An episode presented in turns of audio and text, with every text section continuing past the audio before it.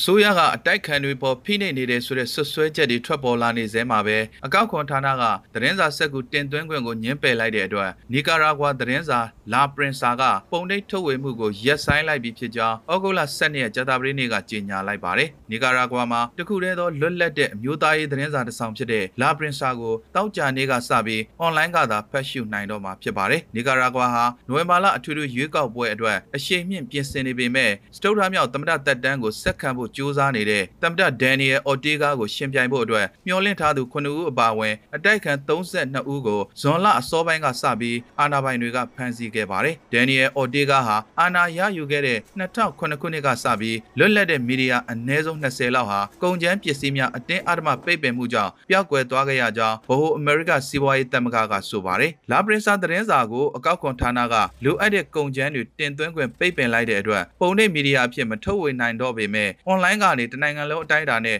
ဆက်လက်ထုတ်ဝေသွားမယ်လို့သတင်းစာကဆိုပါတယ်။သတင်းစာရဲ့မျက်နှာပုတ်စာမျက်နှာမှာလည်းအာနာရှင်စနစ်ကကျွန်ုပ်တို့စက်ကူတွေကိုပိတ်ပင်လိုက်ပေမဲ့အမှန်တရားကိုတော့ဖုံးကွယ်မထားနိုင်ပါဆိုတဲ့စလုံးမဲကြီးနဲ့ဖော်ပြခဲ့ပါတယ်။ဖွဲ့စည်းပုံအခြေခံဥပဒေမှာစာနယ်ဇင်းတွေအတွက်ကုန်ကျန်းပစ္စည်းတင်သွင်းမှုကိုအခွန်ကင်းလွတ်ခွင့်ပြဋ္ဌာန်းထားပေမဲ့အော်ဒေကအစိုးရရဲ့အကောက်ခွန်ဌာနကတော့အဆိုပါကုန်ကျန်းတွေအတွက်အခွန်စည်းကျက်ကောက်ခံခဲ့ပါတယ်။အခွန်ကြောင့်လွတ်လပ်တဲ့သတင်းစာတွေလဲပြုတ်ကုန်ကြရခြင်းကိစ္စမှာဒါကပထမဆုံးအကြိမ်တော့မဟုတ်ခဲ့ပါဘူး။လွန်ခဲ့တဲ့3နှစ်ကလည်းအော်ဒေကာပေါ်ဝေဖန်မှုအများဆုံးသတင်းစာတစ်ခုဖြစ်တဲ့ Nuevo Diario ကို သတင်းစာအတွက်ကုန်ကျန်းသတင်းစာစက်ကူတင်သွင်းမှုကိုတနစ်ကြာပိတ်ပင်ထားခဲ့တဲ့အတွက်ထုတ်ဝေမှုရပ်ဆိုင်းခဲ့ရပါတယ်။2018ခုနှစ်ကနေ2020ခုနှစ်တွေအတွင်းမှာအကောက်ခွန်ဌာနကသတင်းစာစက်ကူကုန်ကျန်း62တန်ကိုတင်စီခဲ့ပါတယ်။2018ခုနှစ်အစိုးရစံကြီးစံနာပြပွဲအတွင်းအကြမ်းဖက်နှိမ်နင်းမှုတွေကြောင့်မီဒီယာအများစုပျောက်ကွယ်သွားခဲ့ရသလိုလူပေါင်း328ဦးသေဆုံးခဲ့ပြီး2000ကျော်ဒဏ်ရာရရှိခဲ့တယ်လို့လူအခွင့်အရေးအဖွဲ့ကဆိုပါတယ်။ Es decir, si nosotros llenamos todos los requisitos သတင်းစာစက်ကူတင်သွင်းခွင့်အတွက်လိုအပ်တဲ့စီမင်းစည်းကမ်းတွေကိုချပြခဲ့ရင်ကျွန်တော်တို့ဆက်လက်ထုတ်ဝေနိုင်ဖို့အတွက်လိုက်နာဆောင်ရွက်သွားမှာဖြစ်လို့ဘယ်လိုစီမင်းစည်းကမ်းနဲ့ညှိစွန်းလို့သိသိပါတယ်ဆိုတဲ့အဖြေကိုကျွန်တော်တို့သိချင်ပါတယ်လို့လာပရင်စာရဲ့ဒိုင်တာဘုတ်အဖွဲ့အတွင်းရေးမှူး UN Homan ကဆိုပါတယ် အ ਨੇ ဆုံးတော့နီကာရာဂွာဟာလက်တင်အမေရိကမှာပုံနှိပ်မီဒီယာတစ်ခုမှမရှိတဲ့တစ်ခုတည်းသောနိုင်ငံဖြစ်လာမှာပဲလို့သူကဆိုပါတယ်။ဒါကပိတ်ပစ်တာမဟုတ်ဘူး။ငါတို့ကမီးပိတ်ပြီးထွက်သွားတာမျိုးမဟုတ်ဘူး။ဒါကလဲပတ်မရအောင်ဖိနှိပ်လိုက်တာပုံနှိပ်ထုတ်ဝေနိုင်ဖို့ကိုတနည်းနည်းနဲ့ဖြည့်ရှင်းနိုင်မယ်လို့ယုံကြည်ထားသလိုမဖြည့်ရှင်းနိုင်ခဲ့ရင်လည်း digital platform ကနေငါတို့အလုပ်ကိုငါတို့ဆက်လုပ်မယ်လို့သူကဆိုပါတယ်။ Esto no es que, que apagamos las luces y nos vamos. လိန်နဲ့မူရစေဝအရှုပ်ရှင်းတွေကြောင့်အဆက်တကွဲဖြစ်ခဲ့ရတဲ့ K-pop star ဟောင်းစွန်းရီကိုပြည်စားလုပ်ငန်းစီစဉ်မှုအပါအဝင် အခြားပြစ်မှုတွေနဲ့တရားစွဲဆိုခဲ့ပြီးဩဂုတ်လ12ရက်ကြာသပတေးနေ့မှာစစ်ခုံရုံးကနေထောင်ဒဏ်3နှစ်ချမှတ်ခဲ့ပါတယ်။အရှုပ်ရှင်းကိစ္စတွေကြောင့်အမှုပညာဘဝကအနားယူခဲ့ပြီးတဲ့နောက်စစ်မှုထမ်းနေခဲ့တဲ့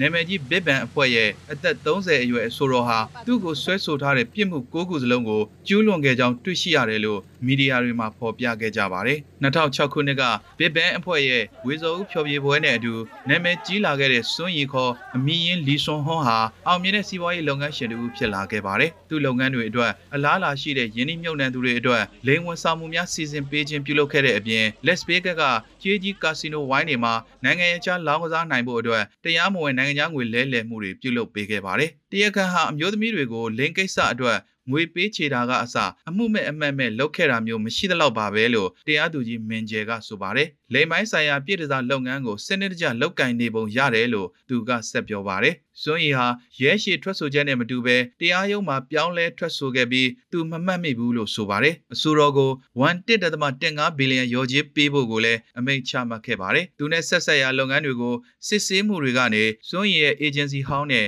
အကြီးဆုံး K-pop စီမံခန့်ခွဲမှုကုမ္ပဏီတွေထဲကတစ်ခုဖြစ်တဲ့ YG Entertainment ကအခြားဂီတအမှုပညာရှင်တွေရဲ့ဆွဆွဲချက်တွေကိုပါကြဲကြဲပြန့်ပြန့်တွေ့လာခဲ့ရပါတယ်။ဒီအတွက် agency ရဲ့ CEO ရန်ဟွန်းစုကလည်းကုမ္ပဏီကနှုတ်ထွက်ခဲ့ရတယ်လို့တရားမဝင်လောင်းကစားမှုအတွက်တီးခြားတရားစွဲဆိုမှုကိုရင်ဆိုင်နေရပါတယ်။ကြာသပတေးနေ့မှာပဲစီရင်ချက်အပေါ်ဝေဖန်မှုတွေထွက်လာခဲ့ပြီး online အသုံးပြုသူအများစုကစွန့်ရည်အတွက်အပြစ်ဒဏ်ဟာပေါ့လျော့လွန်းတယ်လို့ဆိုကြပါတယ်။နောက်ဆုံးတော့အခုလိုထောင်ဒဏ်နည်းနည်းလေးကြာတာသူ့အတွက်ကံကောင်းတာပေါ့လို့နိုင်ငံရဲ့အကြီးဆုံးမီဒီယာတစ်ခုဖြစ်တဲ့နေပါမှာအသုံးပြုသူတူကဆိုပါတယ်တယောက်ကတော့3နှစ်မဟုတ်ပဲအနှစ်30ဖြစ်ရမှာလို့ဆိုပါတယ်သူ့ရဲ့စစ်မှုမထမ်းမနေရတာဝန်ကိုပယ်ဖြတ်ပေးခဲ့တာကြောင့်စစ်မှုထမ်းသက်မပြည့်ခင်တစ်လအလိုမှာစီရင်ချက်ချမှတ်နိုင်ခဲ့ပါတယ်ကျမ်းမာတန်ဆွမ်းတဲ့တောင်ကိုရီးယားအမျိုးသားအားလုံးဟာမြောက်ကိုရီးယားရဲ့နျူကလ িয়ার လက်နက်ရန်ကနေနိုင်ငံတော်ကာကွယ်ရေးအတွက်နှစ်နှစ်ကြာမဖြစ်မနေစစ်မှုထမ်းဖို့တာဝန်ရှိပါတယ်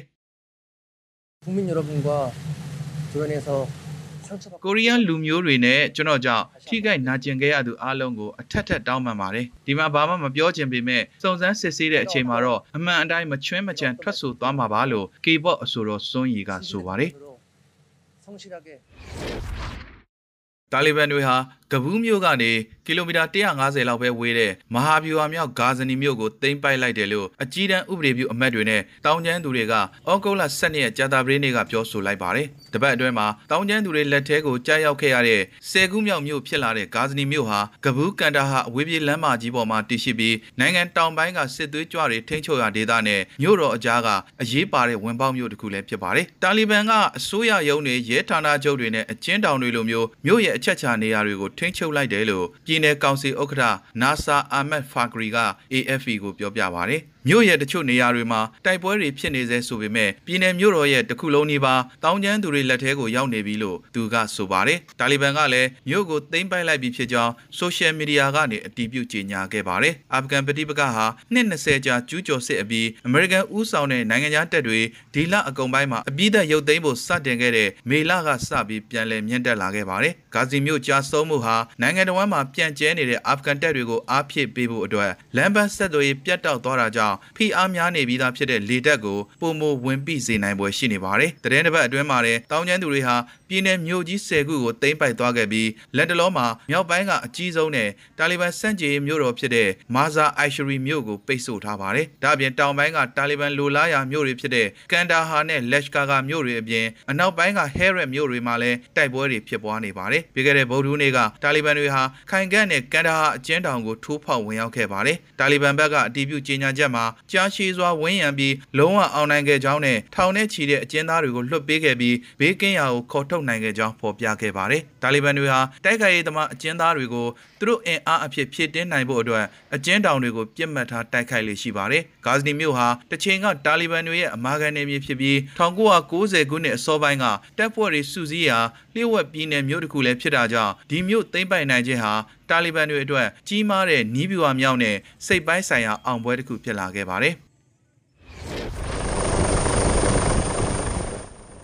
ဂျပန်နိုင်ငံမြောက်ပိုင်းကမ်းလွန်ပင်လယ်ပြင်မှာပနားမားကုန်တင်သင်္ဘောတစ်စီးတောင်တင်နစ်မြုပ်ခဲ့ပြီးသင်္ဘောသားတွေကိုကယ်ဆယ်နိုင်ခဲ့တယ်လို့ကမ်းခြေဆောင်တပ်ဖွဲ့ကဩဂုတ်လ7ရက်ကြာသပတေးနေ့မှာထုတ်ဖော်ပြောကြားလိုက်ပါတယ်။ကောင်းကင်ကနေရိုက်ကူးထားတဲ့မှတ်တမ်းတွေမှာ Crimson Polaris သင်္ဘောကနေပြတ်ထွက်သွားတဲ့ပဲ့ပိုင်းကဥထောင်နစ်မြုပ်နေပြီးကြံကိုယ်တဲ့ပိုင်းကတိမ်းဆောင်းနေတာကိုမြင်တွေ့ရပါတယ်။သင်္ဘောကယူထွက်သွားတဲ့စီတွေဟာ15မိုင်ပတ်လည်လောက်ထိပြန့်နှံ့သွားပြီးရေထုအပေါ်ထိခိုက်နိုင်မဲ့အတိုင်းအတာကိုမသိရသေးဘူးလို့ကမ်းခြေဆောင်တပ်ဖွဲ့က AFP ကိုပြောပါတယ်။ Crimson Polaris သင်္ဘောကအာအိုမိုရီမျိုးကဟာချီနိုဟဲစိတ်ကမ်းမှာတောင်တင်နစ်မြုပ်ခဲ့တာပါ။တရုတ်နဲ့ဖိလစ်ပိုင်လူမျိုးတင်မောသား22ဦးလိုက်ပါလာတာပါ သူတို့ကိုကယ်ဆယ်ပြီးပါပြီလို့အမည်မဖော်လို့သူပြောရေးဆိုခွင့်ရှိသူကဆိုပါတယ်။ဩဂုတ်လ12ရက်ဗိုလ်ထူးနေ့ကဂျပန်နိုင်ငံအရှေ့မြောက်ဘက်ကမ်းလွန်ကစစ်ကမ်းမှာတင်မောနစ်မြုပ်ကြောင်းကြားကြားချင်းကမ်းလက်ရေရင်3စီးနဲ့လေရင်3စီးကိုဆေလွတ်ခဲ့ကြောင်း CEO စိတ်မှုကိုစ조사ထိန်းချုပ်ခဲ့ပေမဲ့အောင်မြင်မှုမရခဲ့ကြောင်းအခင်းဖြစ်စဉ်မှာ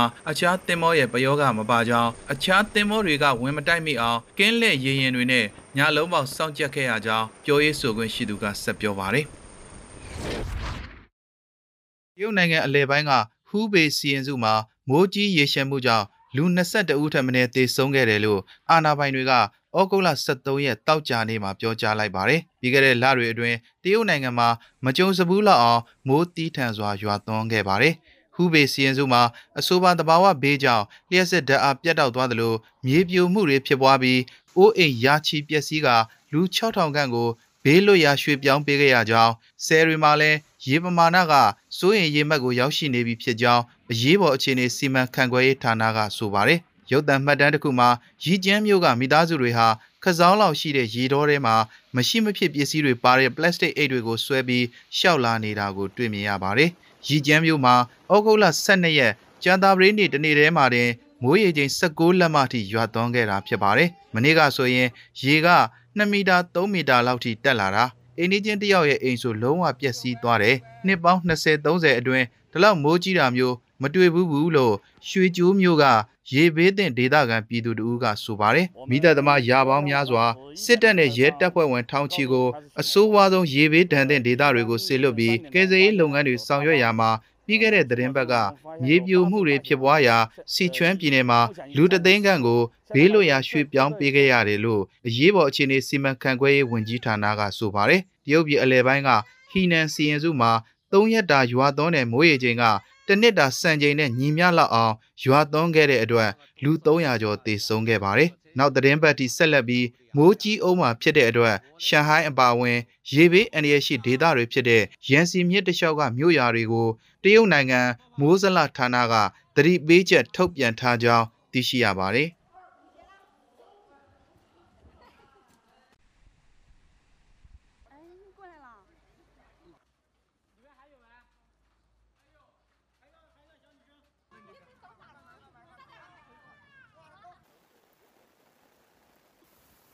ဘူဖန်းမျိုးကန်ဖြစ်သူလူအိုယူဖန်ကအခုလိုပြောပြပါဗျ။ 转移受灾村中十七人，主要是 မသွားနိုင်မလာနိုင်တဲ့ကလေးတွေနဲ့တက်ကြီးပိုင်းစုစုပေါင်း18ယောက်ကိုကယ်ထုတ်ခဲ့ရတယ်။မြေပြိုတာတွေဖြစ်တော့လမ်းနှလန်းပိတ်သွားတယ်။လေဆိုင်ဧက၄ဟက်တာလောက်ပျက်စီးသွားတယ်။မိုးကတိတ်ကြီးတော့လူ200လောက်ရေဘေးတန်တက်တာပေါ့။ထိခိုက်သေးဆုံးမှုတော့အခုထိမရှိသေးဘူး။